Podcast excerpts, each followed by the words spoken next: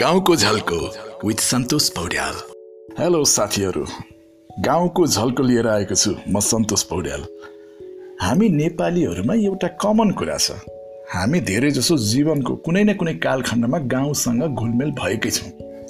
अझ त्यसमा पनि पहिले पहिले त धेरै जसोको बाल्यकाल नै गाउँमै बितेको हुन्थ्यो।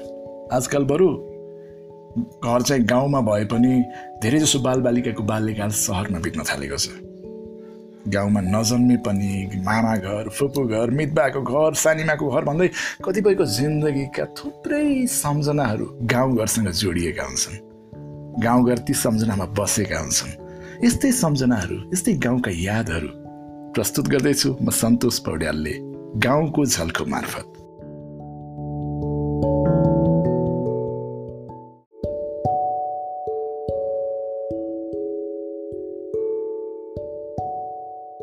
आज मैले यो कार्यक्रम रेकर्ड गरिरहँदा तिहार सकिएको पनि दुई दिन बितिसकेको छ। यसपटकको तिहारको शून्यताले मलाई एकपटक पुराना दिनका तिहारहरूको त्यो बेला खेलिने देउसी भैलोको याद गरायो। ती रमाइला पलहरूको सम्झना यो मनभरि आयो। त्यो बेला हाम्रो गाउँमा बिजुली बत्ती आएकै थिएन। त्यसैले अहिले जस्तो विद्युतका झिलिमिली बत्तीहरू हुने त कुरै भएन। तर माटोका दियोहरू त्यो सुन्तला कलरको हुन्थ्यो त्यो माटोका दियोहरू त्यसमा बालिने त्यो बाती सल्काएर तोरीको तेल हालेर बालिने बत्तीहरूको सम्झना गर्दा अहिले पनि मन झिलिमिली हुन्छ। मन त्यसै रमाउन थाल्छ।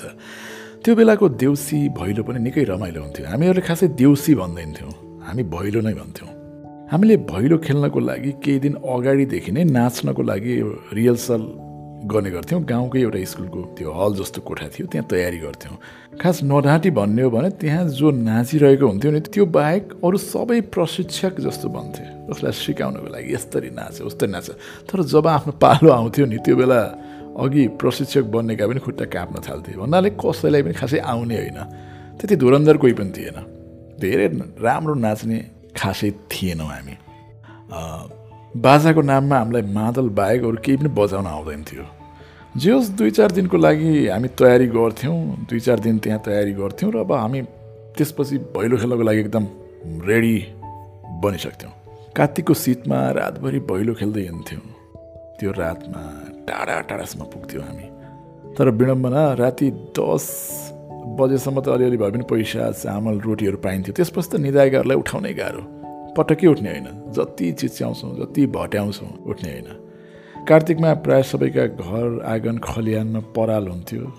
कति साथी त त्यहीँ पल्टिएर निदाउन थाल्थे अनि एकजनाले सकि नसकी भटाइरहेको हुन्थ्यो। अरूलाई भैलो भन्दा पनि अल्छी लाग्ने। त्यो कोरस फलाक्न भैलो भन्दा पनि साह्रै गाह्रो हुने। राति ढिलो आउँदै गएपछि भोकले पनि साह्रै सताएपछि हामीलाई पैसा भन्दा पनि रोटी दिए हुन्थ्यो भनेर लोभ लाग्थ्यो। अनि रोटी दिए भने लुछा चोडी नै हुन्थ्यो। कसले खाने? ती सेलरोटीहरू तानातान गर्थ्यौँ हामी। कुनै ठाउँमा त हामीले जति भट्याउँदा पनि घरबेटीहरू पटक्कै उठ्दैन थियो अनि छानामाथि कुचो यो घरको मान्छे छुचो भन्दै गाली गरेर पनि हिँड्थ्यौँ हामी। भैलो खेल्दा खेल्दै हामीहरू यति टाढा टाढासम्म पुगिन्थ्यो कि सायद त्यही भैलो खेल्न बाहेक अर्को कुनै दिन हामी त्यहाँ पुगिएको पनि छैन होला त्यो ठाउँहरूमा। कुनै कुनै ठाउँमा त हामीले खुब नाच्नसम्म नचाउँथे। तर पैसा दिने बेलामा बाबु नानी हो हाम्रो घरमा त गाईलाई अझै नुन खाइएको छैन भन्दै यत्तिकै टार्ने गर्थे। त्यसैले केही दिन मिल्दैन भन्थे त्यो बेला साह्रै रिस उठ्थ्यो हामीलाई पनि अनि त्यो बेला पनि अलिक पर गइसकेपछि छानामाथि कुचो यो घरको मान्छे छुचो चलिहाल्थ्यो हाम्रो हामीले आफ्नो गाउँमा भने तिहारको दिनमा मात्र भैलो खेल्ने भनेर दिन छुट्याएका हुन्थ्यौँ पहिला हामी टाढा टाढाको गाउँमा जान्थ्यौँ अनि त्यसपछि तिहारको दिनमा टिका लगाइसकेपछि हामी आफ्नो गाउँमा भैलो खेल्न थाल्थ्यौँ।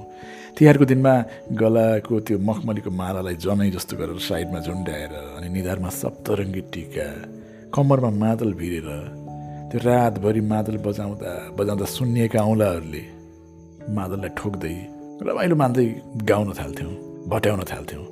सबै पीडाहरू बिर्सिन्थ्यो। तर त्यो बेला एउटा के डर हुन्थ्यो भने आफ्नो घरमा थोरै पैसा दिएर बेइज्जत गर्ने हुन् कि बा आमाले भने फेरि छुट्टै तनाव हुन्थ्यो त्यो बेला। अनि आफ्नो घरमा पनि धेरै पैसा आएन भने त अब हामी अरू ठाउँबाट त धेरै पैसा पाउने नै होइन।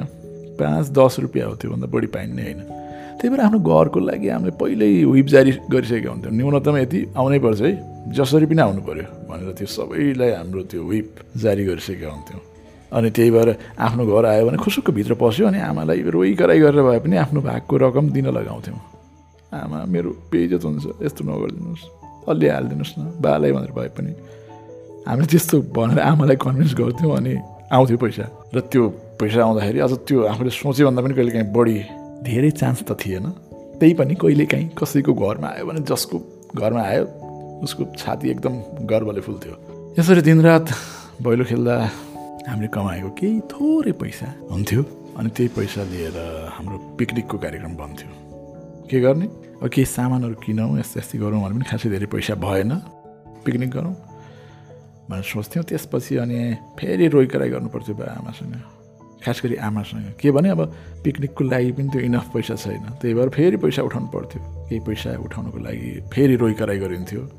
त्यसपछि पिकनिकमा गएर मजाले माइक खन्काएर नाच्दै रमाउँदै गीतहरूमा गर्न थालेपछि फेरि सबै कुराहरू बिर्सिन्थ्यो। ती दुःख ती पीडा। ती अनिद्रा ती हात सुन्निएका हातहरूको त्यो दुखाइ त्यो सबै बिर्सिन्थ्यो अनि फेरि जब पिकनिक सकिन्थ्यो अर्को साल त यसरी रमाइलो मात्रै गर्ने होइन फेरि केही किन्नुपर्छ। हाम्रो क्लबलाई अलिकति माथि उठाउनुपर्छ। केही क्लबको लागि केही न केही किन्नुपर्छ भनेर प्लान बनाइन्थ्यो। तर अर्को साल पनि उही। त्यही भैलो त्यही सीमित पैसा त्यही घोक्रो फुलाइ त्यही अनिद्रा अनि फेरि लास्टमा त्यही पिकनिक। र त्यो पिकनिकको लागि पनि आमासँग रुने रुँदै पैसा माग्ने। यस्तै हुन्छन् गाउँका कथाहरू। धेरै पछि आएको छु गाउँको झल्को लिएर र गाउँकै झल्कोहरू। हामी जहाँ गए पनि जति टाढा भए पनि हाम्रो मनमा बसेका हुन्छन् र आफ्नो अनुभवहरू यसरी बाँड्न पाउँदा एउटा छुट्टै आनन्दको आभास हुन्छ। हस् त आजलाई बिदा दिनुहोस्। नमस्ते।